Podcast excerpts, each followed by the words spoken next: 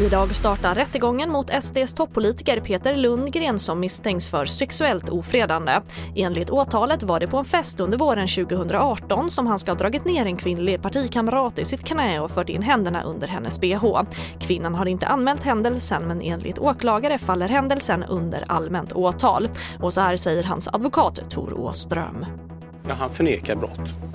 Han menar att eh, det är inte brottsligt det som han har gjort.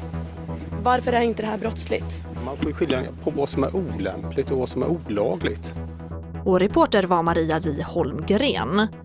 Och alkoholdrickandet i Sverige fortsätter att minska. Enligt en färsk rapport från Centralförbundet för alkohol och narkotikaupplysning har drickandet minskat med en femtedel under de senaste 15 åren.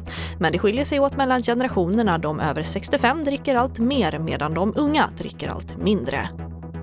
Och när polisen i Göteborg kontrollerade mopedbud som levererar mat så upptäcktes allvarliga brister vid 18 av 20 kontroller. Många förare saknade körkort och andra saknade försäkring. Andra fel som uppmärksammades var att buden körde på trottoarer och cykelbanor. TV4-nyheterna, jag heter Charlotte Hemgren.